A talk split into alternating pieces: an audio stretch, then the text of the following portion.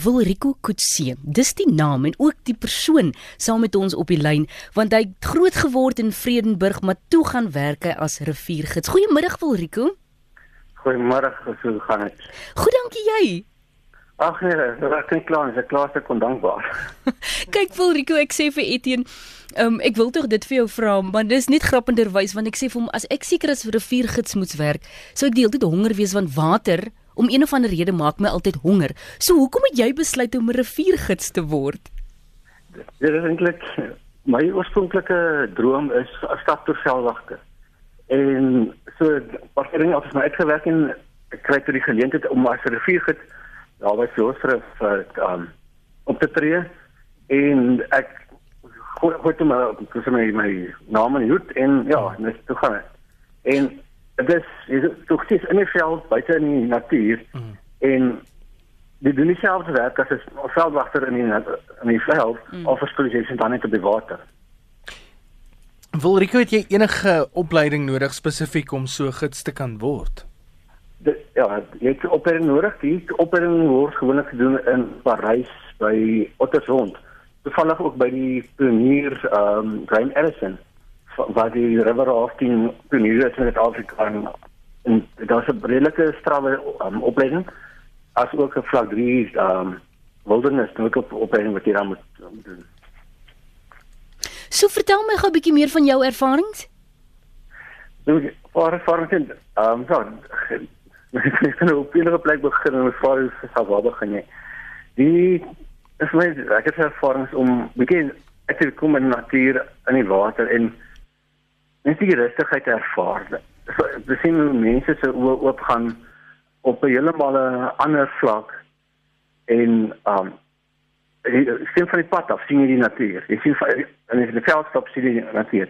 En skielik 'n gedeelte wat daar geen um bekend is as hoe dit lyk nie van die water af en as jy anders sien die son sak en dit raak so rustig en natuur verlei om die sterre so ek dink dis 'n ervaring wat jy skryf, maar jy kan dit nie in woorde omsit nie. Mm. mm. Och. Volrico, jou kennis van die veld en ook uh, sekerlik die rivier moet uh, enorm wees om so 'n tipe werk te kan doen, is dit nie?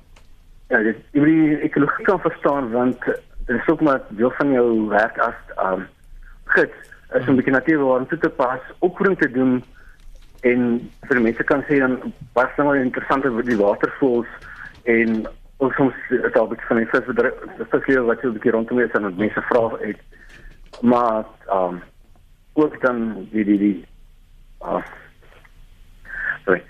Dan nee als nie ook ah as jy tog Nee ek sê als nie Hank, um, net op daai punt uh, ook wil Rico, kom ons sê ek en Sue kom nou by jou aan en uh, ons ons sou 'n toer saam met jou wou wou neem. Neem ons net vinnig deur die basiese dinge van so 'n tipe toer as hy. Kom ons sê ek en Sue is nou saam met jou in die veld. Wat wat gaan gebeur op so 'n toer?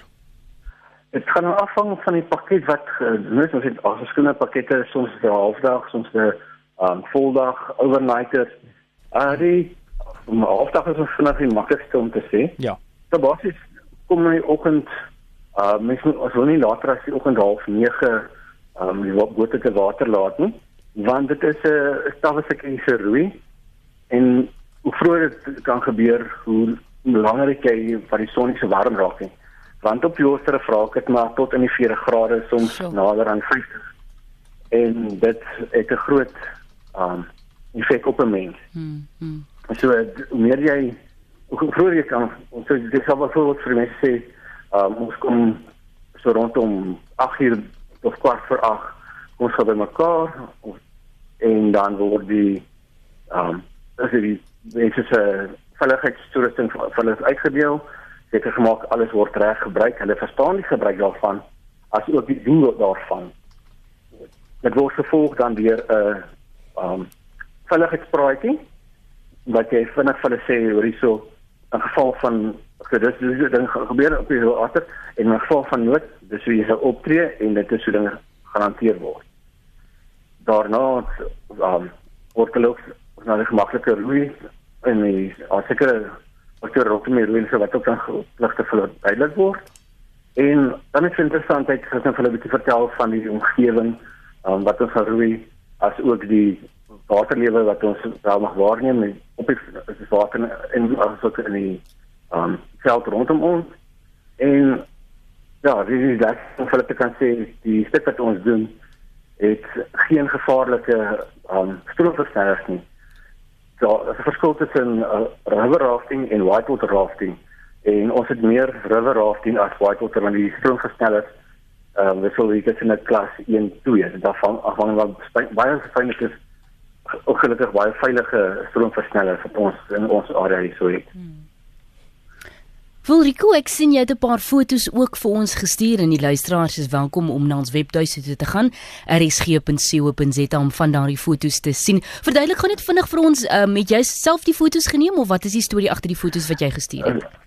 Van die fotos wat ek hier nou self geneem as vir wat van ons geneem as groep en ehm um, ja, also also van die fotos wat ek sien daar's 'n ene wat geneem is van Geelkrans af wat ons kan sien ek ken 'n groepie mense met die lekker toeriste op my uitsig weerkante wat jy kan sien rivier die Afrikaanse kant en aan die Wesse kant en jy loop net meer die Namibische woestyn area. Ehm um, maar reg weerkante van die rivier is die landerye want daar's vreeslike vrugbare grond weerkante van die rivier. En dit het hulle verskaf um, groente en vrugte aan bekende um, groot handelsmerke in Suid-Afrika wat interessant is, ek dis so klein plekkie, maar dit kom van daar af. Hmm. En daai is 'n spesifieke foto kom ook is ook geneem op geelkrans wat geneem wat hom hy is 80 meter hoë krans. Daar's ook 'n foto wat ons onder die krans so half so groot agtigheid in die krans is wat die mense nou kan sien en dis baie mooi area in presies 80 meter. Daai krans is van tevore ook gebruik vir ehm um, vir uh abseiling, maar die abseiling is weens die gevaar van uh, metal wat kan sny op die skerp rande van die rots is die abseiling gestaak. En ja, dit is 'n foto wat as mens kyk aan die gesigte boetelistek was ook een van my een van my lekkerste um, riviergids trippies gewees met baie laag, dit is gewoonlik een van die dinge wat die meeste gebeur op die rivier behalwe water drink jy drink so maklik so 2 liter water dis op die rivier op 'n halfdag dit is warm raak. Hmm. Ehm um, maar dit is wat die wat die storie kan vertel. Ehm um, erns op die rivier is ons ontdek het as 'n doringtak hier nou baie doringbome sloring en ehm um, koorbome. Daar kan jy vir daar tak in die water die in bote pronk gegaatjie gegee. En en selfs nog wat nou oor uh